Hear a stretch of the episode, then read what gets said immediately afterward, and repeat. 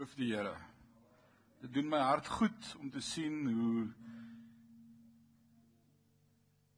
verskillende nasies saam God groot maak. Herinner my aan die teks wat ons in die woord van die Here opgeteken vind in Openbaring 4 en 5 waar Johannes so mooi vir ons vertel van die bruilof van die lam en hoe almal saam 'n nuwe lied gaan sing. Kan jy onthou wat se woorde van daai nuwe lied? Kan jy onthou wat sing hulle? Wie kan onthou? U is waardig om die boek te neem en sy seels oop te maak, want u het ons met u bloed gekoop uit elke stam, nasie, volk en taal. Man, hemel gaan nie net vol wit mense wees nie, ouens. Ook nie net vol Suid-Afrikaners nie. Ook nie net van een kerkgenootskap nie. Daar's nie 'n AGS hemel nie, jammer vir jou.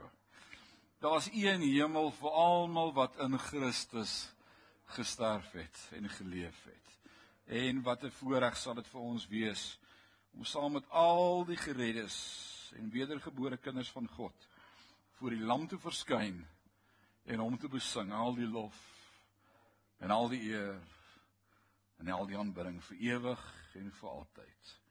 En dan sê Openbaring so mooi en het jy al ooit daaroor gedink? Hy sê trane sal daar nie meer wees nie want Jesus sal self die trane afdroog. Nou wonder ek wie sal wil staan en huil in die hemel. Het jy al daaroor gedink? Hoekom gaan jy wil huil as jy in die hemel kom? Ek ek weet ek sal wil huil, maar hoe hoekom gaan jy wil huil as jy by Jesus is? Onthou daar gaan 3 verrassings enig in die hemel wees, net 3. Die eerste een Jy gaan verras wees wie jy daar gaan sien wat jy nie gedink het daar gaan wees nie.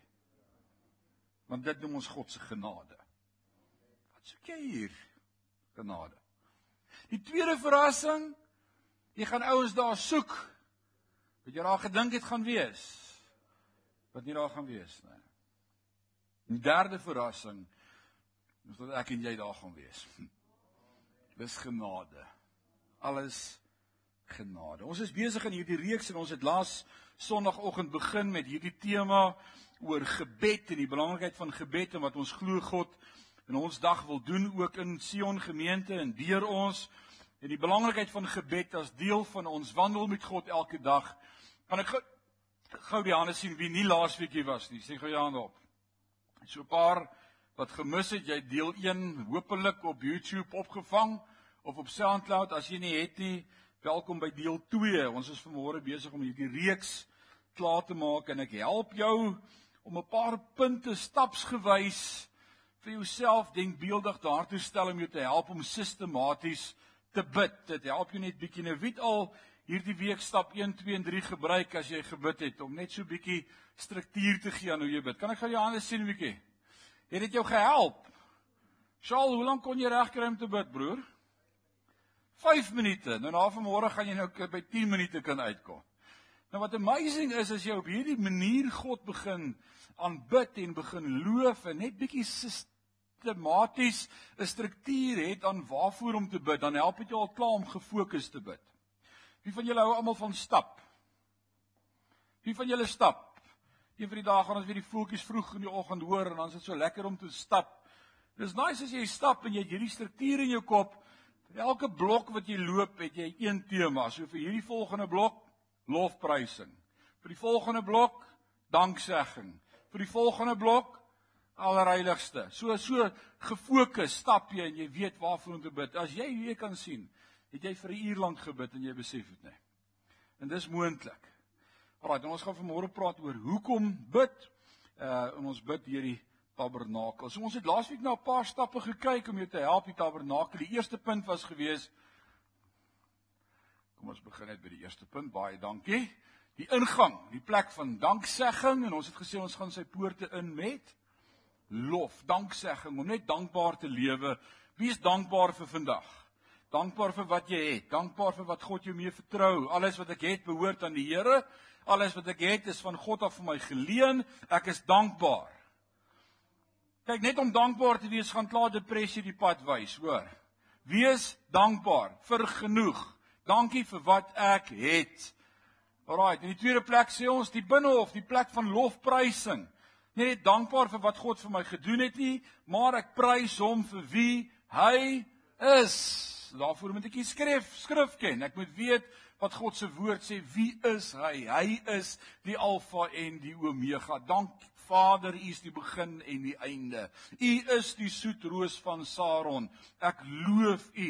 U is die lelie van die velde. U is die blinkmôre ster. U is die begin en die einde. U is my geneesheer. U is Skepper God. U is liefde. Jy kan vir 'n hele dag lank God net loof vir wie hy is. Nou gebeur daar so iets binne in jou hart as jy dit doen. Volgende punt waarby ons stil gestaan het, is die koperaltaar, die plek van belydenis. Nie net om jou sonde te bely nie. Nie net om te sê wat verkeerd is in jou lewe nie, maar daardie Griekse woordjie homologio om dieselfde te sê as God se woord, om dit te sê wat God se woord sê. Here, u woord sê dis verkeerd, ek noem dit verkeerd. U woord sê dis sonde, dit in my lewe is sonde. Maar nie net belydenis van dit wat ons verkeerd doen nie, ook belydenis van wat God se woord ons leer. U woord sê ek's geregverdig deur die bloed van die lam. U woord sê ek's meer as 'n oorwinnaar. U gee my oorwinning. U woord sê al was jou sonde so skarlaken, dit sal wit word soos wol. U woord sê. It's amazing plek in hierdie gebed die volgende punt waar ons dan vanmôre begin stil staan om verder te gaan om hierdie sistematiese gebed van ons sommer net iets om jou te help om gerig te bid of gefokus te bid is die koper waskom die plek van meditasie. Het jy geweet meditasie het 'n plek in jou gebedslewe met God? Om te bedink om te oordink dis dis dalk 'n beter woord as ek sê mediteer gaan jy dink aan mm, Ja. Om te oordink, om te bedink. Sela, dis 'n mooi woordjie wat ons leer in die Ou Testament, veral in die Psalms. Wat beteken die woord sela? Pause and think. So as jy in die Psalms lees, daar staan loof die Here o my siel. Sela. Dink 'n oomblik daar. Loof my siel die Here. Pause and think. So hierdie volgende koper waskom gedeelte en daai koper waskom, as jy mooi gaan lees daar in uh, Eksodus 25 tot 32 met die met die met die gee van die tabernakel en hoe hy moes lyk en wat alles daar ingegaan het. Nou hoe daai koper waskom gemaak is, is al die vrouens van die volk, die 3 miljoen Jode se vroue het koperplaatjies gebruik vir spieëls. Dit was die spieëls van daai dag gewees. Mooi gepolished koperplaat, mooi plat geslaan en dan kon jy jouself nou mooi daarin gesien het. En toe hulle getrek het, het hulle baase, hulle is eienaars van hulle slawe, vir hulle hierdie klomp geskenke saamgegee om te sê vat net die pad. Ons eersgeborenes is dood gaan net weg. Hier's alles. Hier's goud en silwer en koper en al hierdie goed wat hulle met hulle saam het, né? En dan die vrouens al hierdie koper spieëls gebring. En dan het hulle hierdie koper waskom beslaan. So in die koper waskom kon jy jouself duidelik sien deur die water. Nou leer Jesus ons 'n paar plekke. Hy praat met sy disippels en dan sê hy: "Ek het julle reeds gereinig met die waterbad van die woord. Paulus sê dit ook vir ons as hy skryf in die gemeente in Efese in Efesiërs 5 as hy sê julle is gereinig met die woorde wat ek tot julle gespreek het. So wat doen die koper waskom? Waaraan herinner dit my? Dit herinner my aan die woord van God en dit wat hy oor my sê. So ek mediteer in die middel van my tyd van gebed. Mediteer ek 'n oomblik op God se woord. God se woord het ewe skielik plek in my gebedslewe, so ek moet die woord ken. Nou begin ek pos nadat ek my sondes bely het en bely het wat God se woord sê en dieselfde bely as sy woord, nou mediteer ek oor sy woord en ek raak 'n oomblik stil en ek dink aan sy woord en ek dank hom vir beloftes uit sy woord uit. Nou om dit te kan doen moet jy die woord ken. Jy sien om die woord te ken maak 'n verskil in jou gebedslewe. Want skielik weet jy wat om te bid.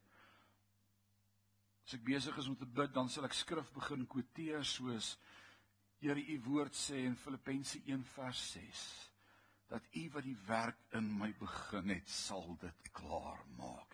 Dankie dat u 'n werk in my begin het. Dankie dat u met my besig is. Dankie dat u met my op pad is en nie moed opgee met my nie. Dankie dat u my dra. U woord sê U's met my al die dae van my lewe. Matteus 28 vers 20. Dankie dat U met my is. Ek bely dit. Al voel dit nie vir my so nie. U is met my. U stok en U staf die vertroos my. Psalm 23.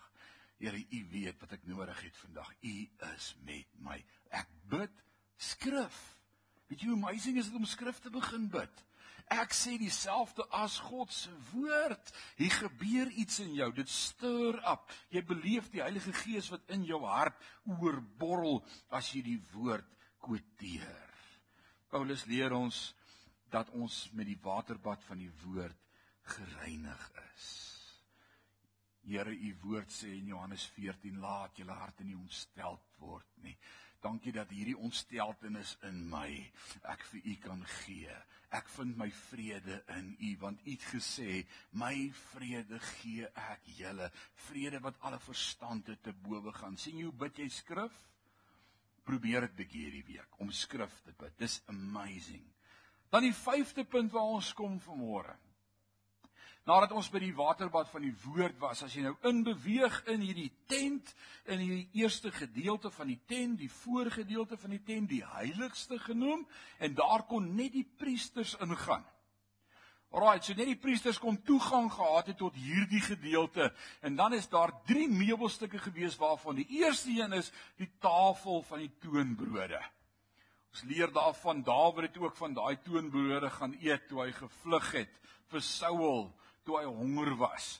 So in hierdie eerste gedeelte is daar hierdie tafel met brode, elke dag vars gebakte brode.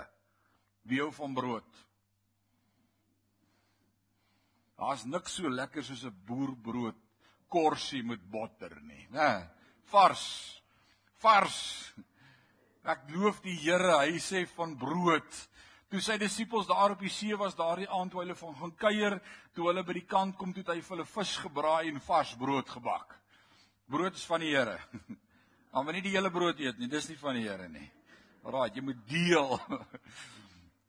Daar's iets aan 'n warm vars brood. Dis awesome. Nou hierdie tafel met die toonbrode, wat verteenwoordig hierdie broodmyn? Waarvoor staan die brood?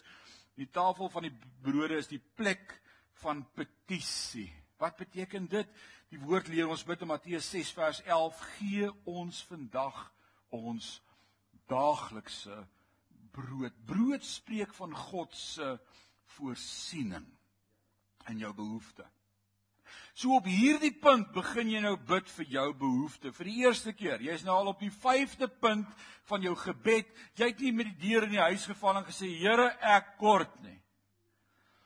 Jy het eers vir hom gesê hoe bly is jy dat jy aan hom behoort. Jy het vir hom vertel hoe awesome is hy.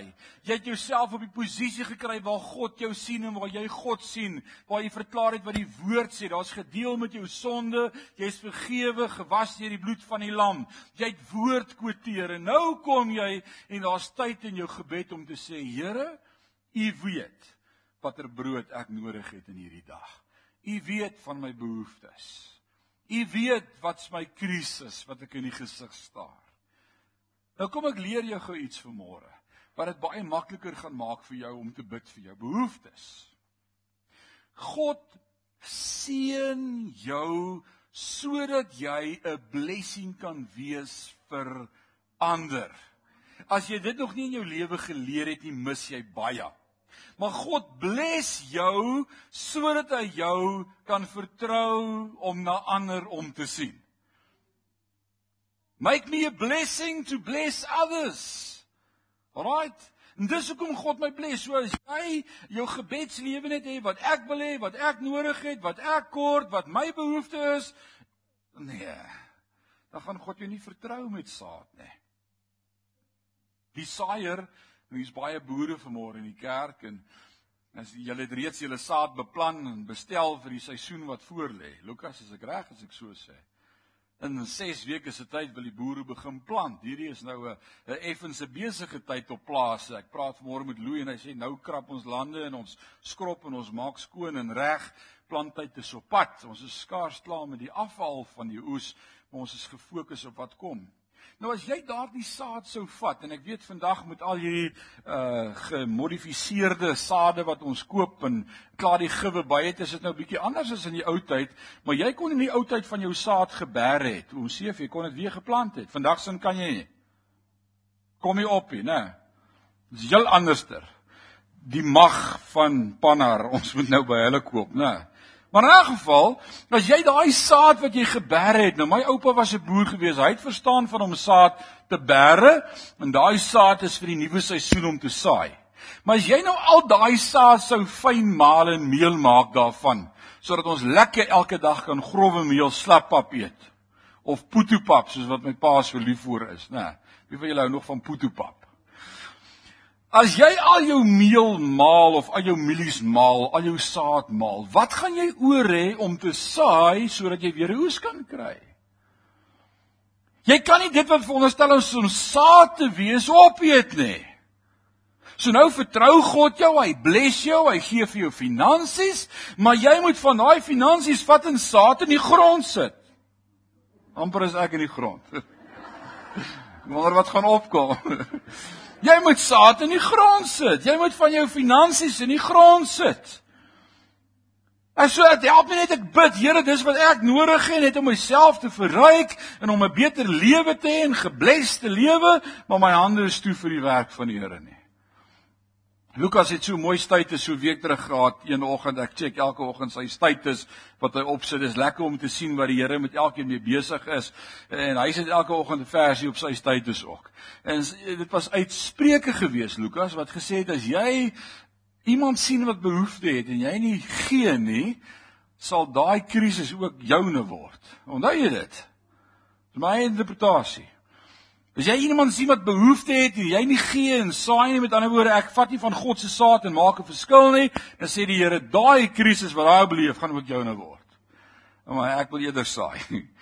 Ek wil eerder gee. God moet my kan vertrou om te kan gee. So as ek hier bid, bid ek nie self gefokus, ag Here, U weet wat ek alles nodig het nie. Dis Here, U weet wat U my mee wil vertrou sodat ek ook 'n blessing vir ander kan wees. Hm, dit maak bietjie 'n verskil in my gebedslewe.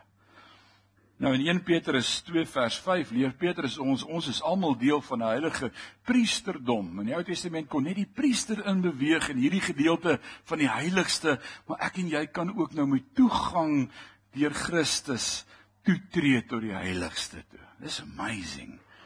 Right. En daarom kan ons met vrymoedigheid bid. Vader, ek het behoeftes. Die vyfde meubelstuk waarby ons stil staan vandag wat ons ook kry in hierdie heilige gedeelte is die goue kandelaar. The golden candlestick. Daar was 'n kandelaar met reukolie in wat spesiaal gemeng is wat gebrand het en daar moes altyd lig wees in hierdie gedeelte van die heiligste. Daar moes altyd lig brand. Nou waarvoor waarvoor is die goue kandelaar? As ek Openbaring 2 en 3 eintlik die einde van Openbaring 1 al begin lees waar Jesus tussen die kandelare staan en Openbaring 2 en 3, wat is dan die kandelare? Is die gemeentes of kerke, kinders van God, samekomste, groeperinge van heiliges. Dis die kandelaar. Dit verteenwoordig God se lig wat uitgestraal word deur sy kerk. Alraight. So by hierdie goue kandelaar laat julle lig so skyn voor die mense dat julle julle goeie werke kan sien en julle Vader wat in die hemele is verheerlik word. Binne die tabernakel self was daar tweede stuk, hierdie meubelstuk, die goue kandelaar waarvan Openbaring 2 en 3 ons ook leer. Nou interessant. Wat bid ek en jy as ons staan by die goue kandelaar? Nou begin ek bid vir God se koninkryk, vir God se kerk, vir my gemeente, vir sendelinge in die sendingveld, vir ander kerke, vir ander organisasies wat God se woord uitdra en ek begin God vertrou dat hy hulle sal gebruik om 'n oes in te bring. Nou interessant en hier wil ek 'n geheim met jou deel vanmôre. Hoekom bid ek vir ander gemeentes en ander kerke? Ek bid vir al die kerke in Parys wat God se woord oopmaak en sê so sê die Here. Ek bid dat hulle God se woord sal verkondig, dat hulle dit suiwer sal verkondig, dat mense se harte na God toe sal draai, dat mense se harte sal verander, dat jy oes kan inbring. Hier's nie plek vir Parys en Sion nie. Hierdie kerk is te klein. Maar God kan elke kerk in Parys gebruik om 'n verskil te maak in sy koninkryk en weet jy hoeveel kerke is in Parys? En hierdie klein dorpie van ons, weet jy hoeveel kerke is hier? In die 30, 334 toe ek laas getel het. Want as ek en Rudolf bietjie kwaad word vir mekaar, dan begin hy sy eie kerk en dan het ons twee kerke. En baie van die kerke in Parys het so begin. Maar mag God in elke gemeente waar sy woord oopgemaak word, praat en mense se harte verander. Ons bid daarvoor. Nou kyk hoe Dawid teen die Amalekiete geveg het.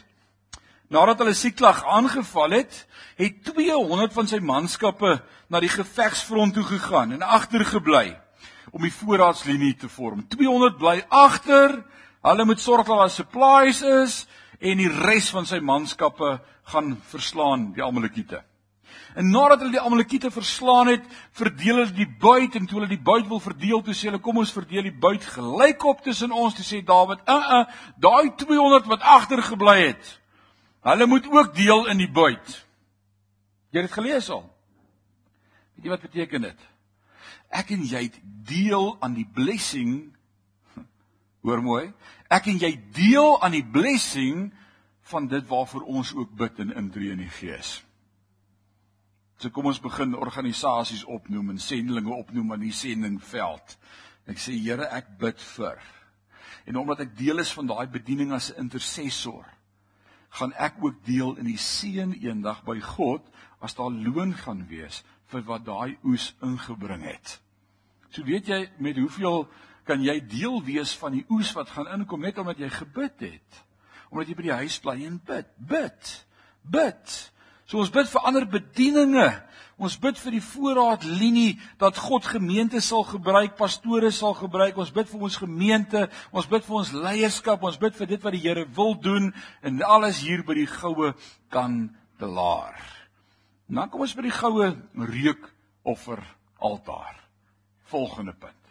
Die goue reukoffer altaar.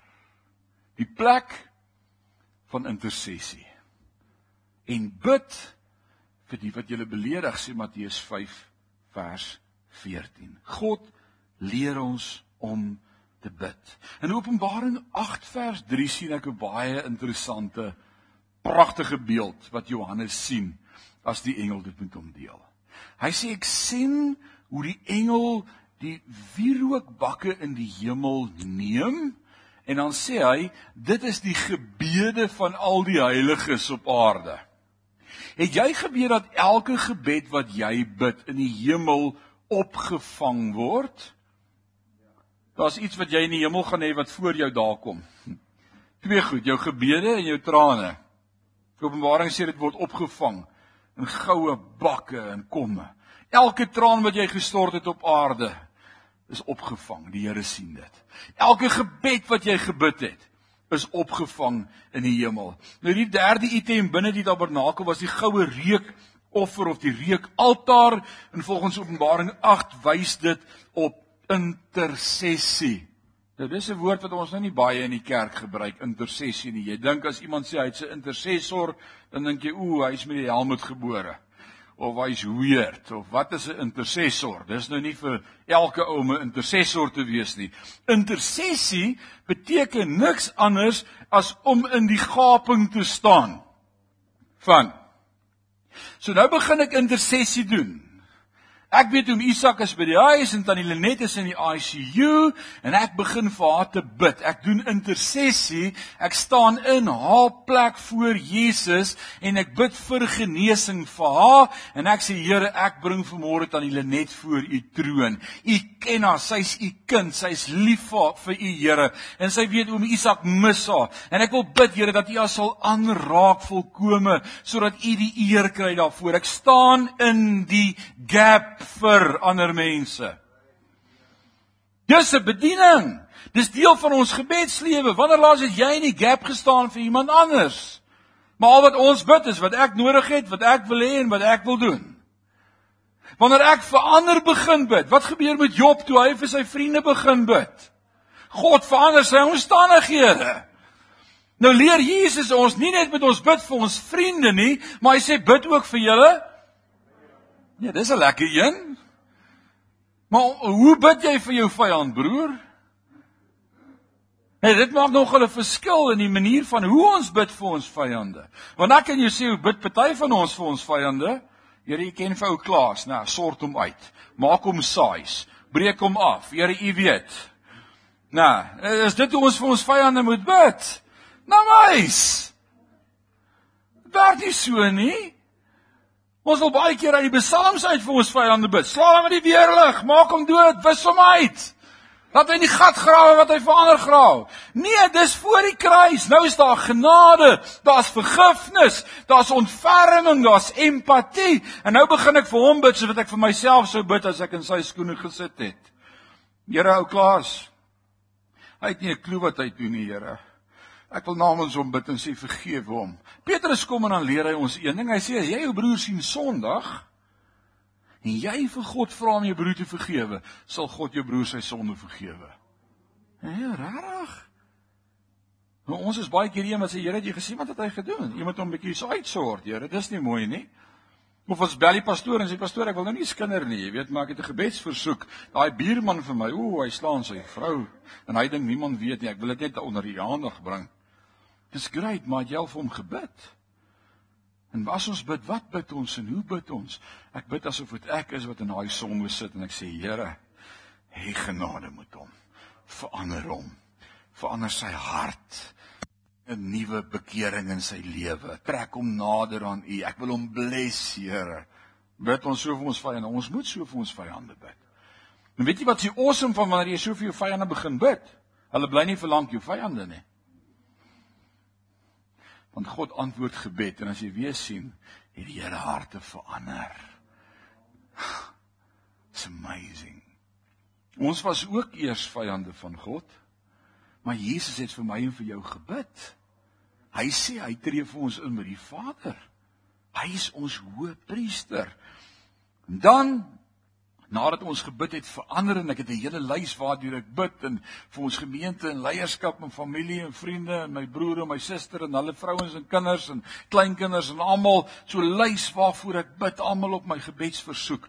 En as jy klaar is met daai lys het vir almal gebid en hulle gebless dan bly die laaste meubelstuk oor. En dit is agter die voorhangsel gewees die allerheiligste. Is 6 duim dik gewefte gordyn. En net die hoofpriester kon een keer 'n jaar onder deur daardie gordyn inkruip en dan was daar aan sy aan die soem van sy kleed wat hy aangetree het, was daar klokkies en granaatputte, 'n klokkie, 'n granaatput, 'n klokkie, 'n granaatput reg rondom. En dan soos wat hy beweeg het daar in die allerheiligste, het jy die geklingel gehoor. Kling, klingeling, klingeling, klingeling. Klokkies. Maar aan sy enkel was daar 'n tou vas.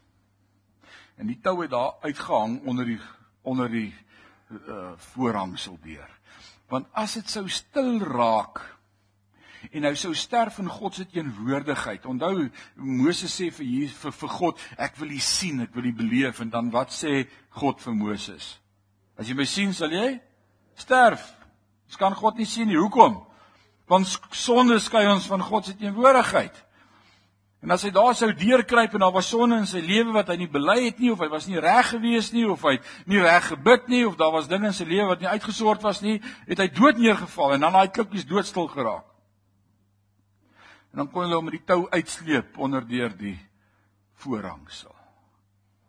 Maar die oomblik toe Jesus sterf aan die kruis. Toe skeur daai voorhangsel. Hoe het hy geskeur van waar na waar? Van bo na onder. Sodat dit nie die werk van 'n mens kon wees nie, maar van God. En wat sê God deur daai voorhangsel wat geskeur het? Ek wil nie meer hier agter in 'n boks bly nie. Ek soek 'n verhouding met elkeen van julle.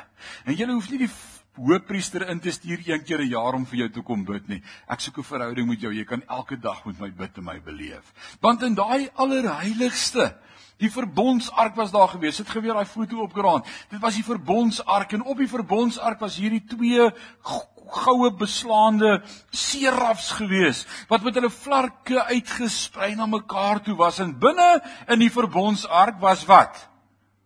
Die wet. Die wet van Moses, die kliptafels, die 10 gebooie.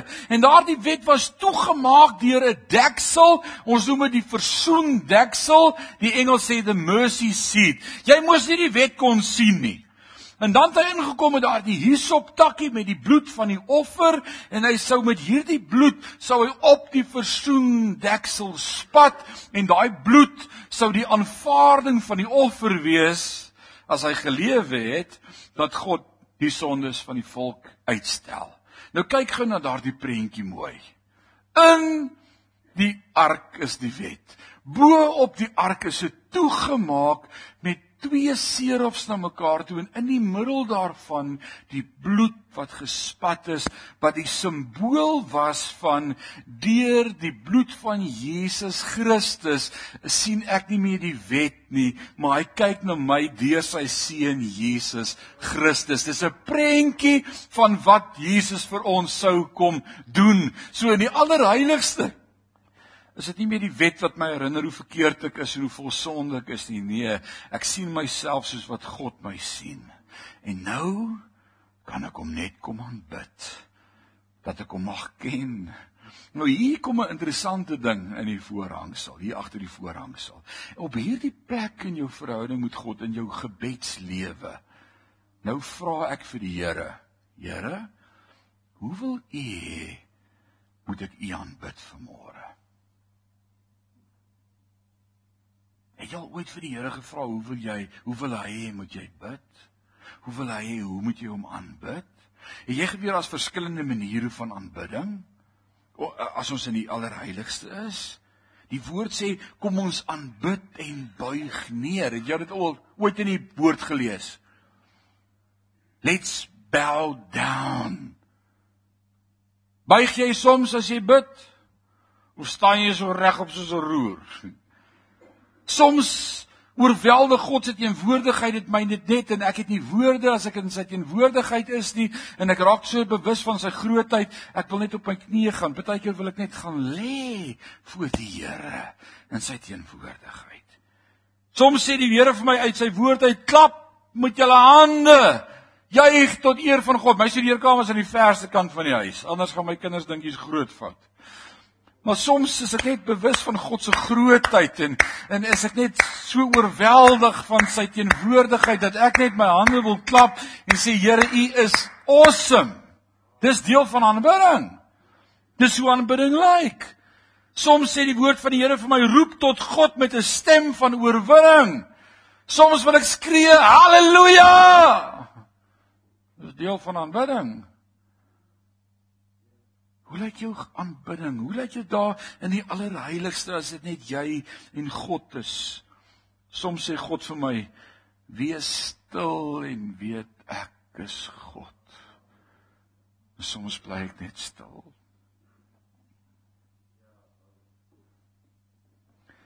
Ek herinner my aan hierdie storie wat ek gehoor het uit die mond van my ma se enigste broer pastoor Niels de Klerk. Wat as klein seentjie geleer het dat oupa in die spaarkamer bid en as oupa daarin is en die deur is toe, moet jy nie daarin gaan nie. Oupa Paula bid. En ek onthou hy my vertel hoe hy een oggend waag om sy nuuskierigheid het die beter van hom gekry om te gaan kyk wat doen oupa in die spaarkamer. Kan jy dit onthou maar? En toe hy in die spaarkamer inkyk, toe staan oupa Paula op sy knieë aan die ander kant van die bed. Doodstil besig om te bid. En toe oupa Paula vir hom heel sien toe, wink hy hom om in te kom. Hy sê vir hom: "Maak toe die deur." En hom neels tog wat nou? Wat nou? En hy en hy roep hom en hy sê: "Kom staan jy op jou knieë langs my."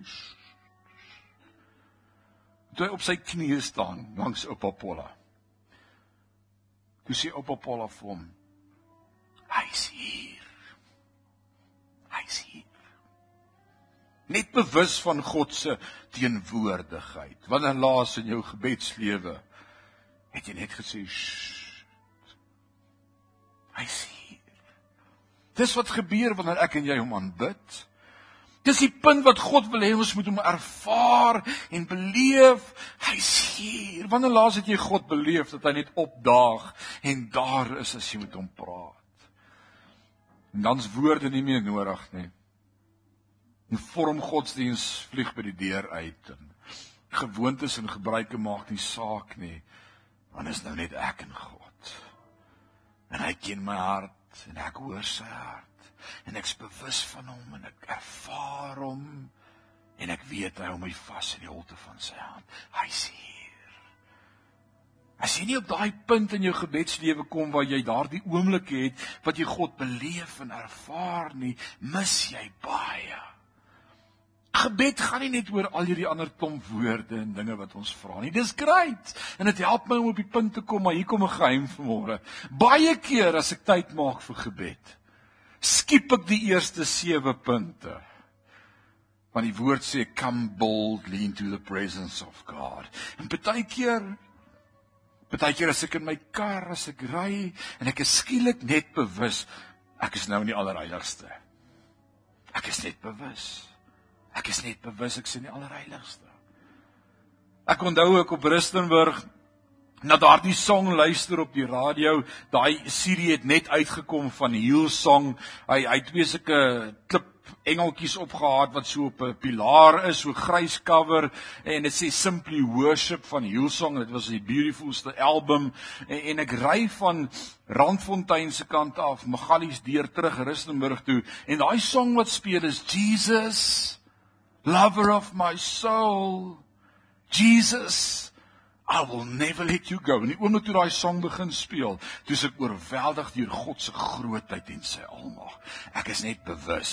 Hmm. Hy staan voor my in hierdie kar en hy sê vir my, "Is ek dit vir jou?" En ek sê, "Here, U weet, U is alles vir my."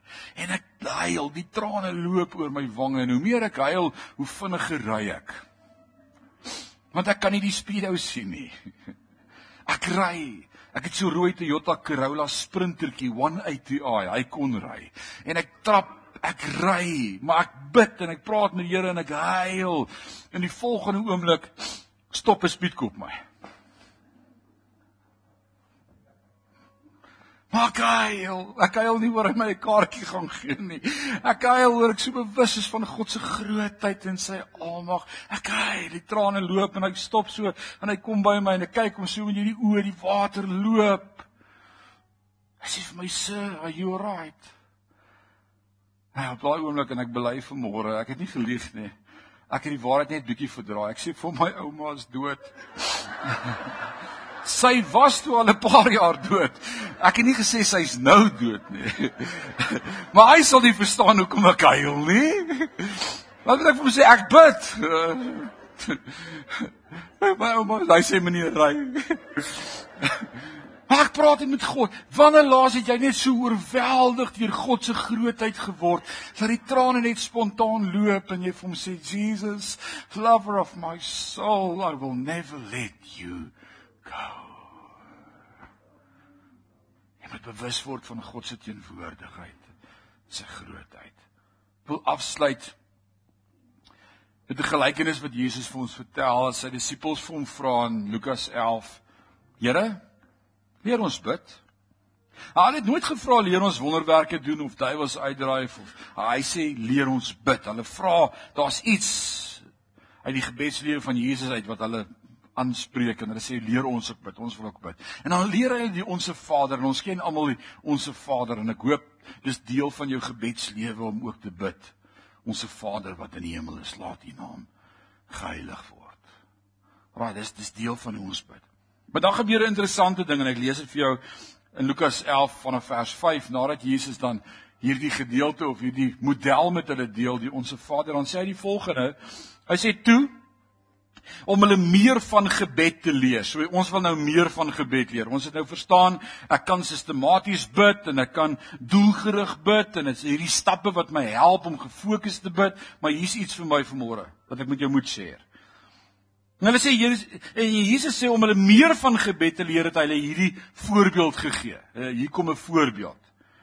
Gestel jy gaan in die middel van die nag na 'n vriend se huis om 3 brode te leen en jy sê vir hom 'n vriend van my het pas aangekom van 'n besoek en ek het niks om vir hom te gee om te eet nie. En hy sou uit sy slaapkamer antwoord: "Moet my nie pla nie. Die deur is gesluit vir die nag." en ons is almal in die bed. Ek kan jou nie nou help nie. Nee, ek sê vir julle, al sou hy dit nie as vriend doen nie, as jy net lank genoeg aanhou klop, sal hy vanweë jou onbeskaamdheid opstaan en vir jou gee wat jy nodig het. Nou ons kan vanmôre baie baie antwoorde gee vir hierdie beeldspraak. Maar ek wil dit vanmôre eenvoudig hou. Oorals waar Jesus praat van middernag, praat hy van die tyd. Die minuut voordat Jesus gaan kom, daai begeerte en verwagting, die middernag. Ek dink aan die bruilof van die 10 die die gelykenis van die 10 maagde middernag, né? Middernag, daar's iets van middernag. Die tyd, die die sunde times sê die woord. Die tye waarin ons leef is middernag, ouens. Dit was nog nooit so donker soos vandag nie. Stem jy saam met my? Dit was nog nooit so donker soos nou in ons tyd nie. Die wêreld het God nodig. Nou ek en jy bid in Sion gemeente vir 'n oes wat moet inkom. Dis waarvoor ons bid. Ek vertrou die Here dat hy siele gaan red, dat die mense gaan byvoeg by ons gemeente, dat ons gemeentes in Parys gaan groei, dat die kerke gaan vol sit uit 'n honger en dors uit in mense se harte. Ek glo dat dit daar is van Joel en dat God se gees gaan uitstort oor alle vlees. Ek glo dit. Dis waarvoor ek bid. So ek bid vir vriende daar buite wat nog nie vriende is nie dat hulle sal inkom. Maar nou kyk wat gebeur in hierdie gelykenis. Wie's die gewer van die brood? Wie gee brood? God. En wie is Jesus? Hy is die brood van die lewe. Hy is die brood van die lewe. En wat wil ek met my vriende deel? Die brood. Ek wil Jesus met hulle deel. Ek wil hulle met Jesus in my sien. Ek wil hulle met Jesus in my ervaar. Ek wil Jesus met die wêreld share.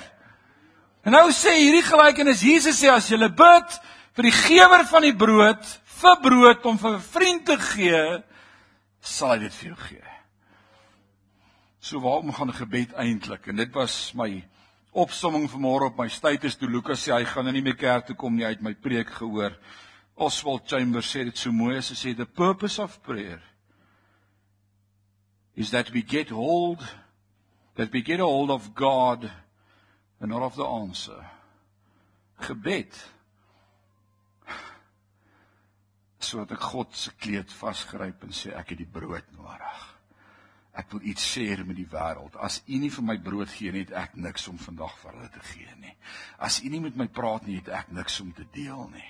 As u nie die brood van die lewe is vir my nie, is ek ek is kaal in die wêreld. Kragteloos. En dis hoe die kerk deur die wêreld gaan op hierdie oomblik. Kragteloos. Kragteloos.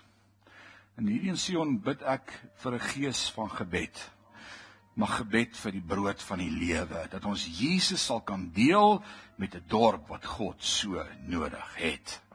Alraight. So ons gaan nou vir 'n paar oomblikke gaan ons opstaan. En dalk is dit vreemd vir jou, dis oukei. Okay. Mense doen nie net alles wat jy like en wat jy ken nie. Partykeer doen mense vreemde goed. Maar ons gaan vir die volgende paar oomblikke net met God begin praat. En vanmôre vir hom sê die brood van die lewe, ek het U nodig. Ek het nodig dat U my sal voed met die brood van die lewe sodat ek hierdie brood met ander sal kan deel. So vir 'n paar oomblikke gaan ons bid. Is dit reg? Kom ons staan op ons voete. Sit vir ons 'n saam op daar. En ons gaan net vir 'n paar oomblikke gaan ons begin bid. Maak jou oë toe, vergeet van die ou langs jou. Jy kan hard bid, jy kan sag bid, jy kan in tale bid. Begin met God praat vir 'n paar oomblikke. Vir 'n paar oomblikke begin net vir die Here sê: U is die brood van die lewe, U is die gewer. En ek bid vir môre, Vader. Ek bid vir môre. Ek bid vir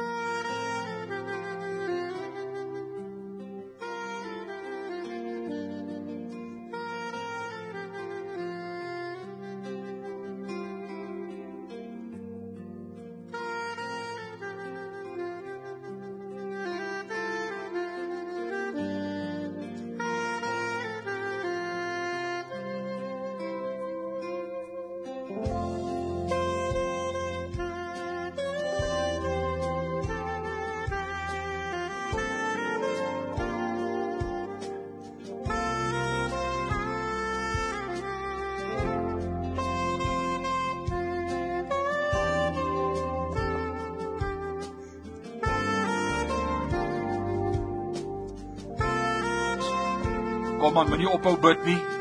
Bid.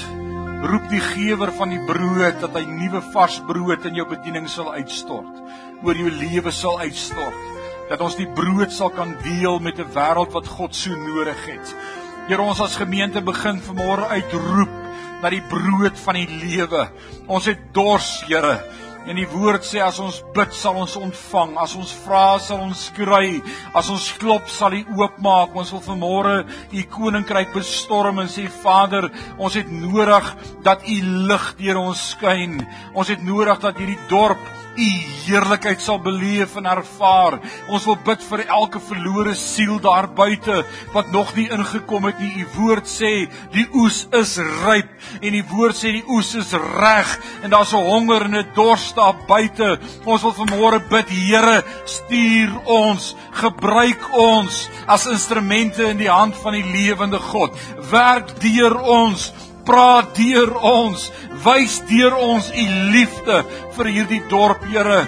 Verander ons harte sodat U ook die dorp se harte kan verander, Vader. Hier is ek, ek stel my oop in hierdie oggenduur. Laat my oorloop van U volheid en van U krag en van U heerlikheid sodat ek 'n lewende getuie kan wees. God lewe. God antwoord. God genees. God is skepper van die heelal. My God is die beste en die sterkste en hy leef tot in ewigheid. O oh, Vader, ek wil bid vir elkeen van ons dat U ons sal nader trek in 'n gebedslewe met U, sodat ons tyd spandeer in gebed en met U praat, dat ons U stem sal hoor, dat ons sal weet U het opgedaag en U's hier in ons midde. Ek wil bid vir elkeen Vader dat ons hierdie week 'n belewenis sal ervaar van God se nabyheid en sy krag en sy heerlikheid en sy teenwoordigheid en sy majesteit en sy almag en sy glorie want ons God is 'n awesome God en daar's niemand soos U nie. Aan U al die lof en al die eer en al die aanbidding van ons harte. Ons loof U koning vir die werk wat U in ons begin het en dat U dit ook sal volëindig. Ons loof U. Ons loof U, U se awesome God. Daar's niemand soos ons God nie. Ons God is 'n sterke God. O, almagtige God, skepper van die hemel en van die aarde. Maar aan U al die lof en al die eer en al die aanbidding van ons harte in Jesus naam en sien ons sê amen en amen.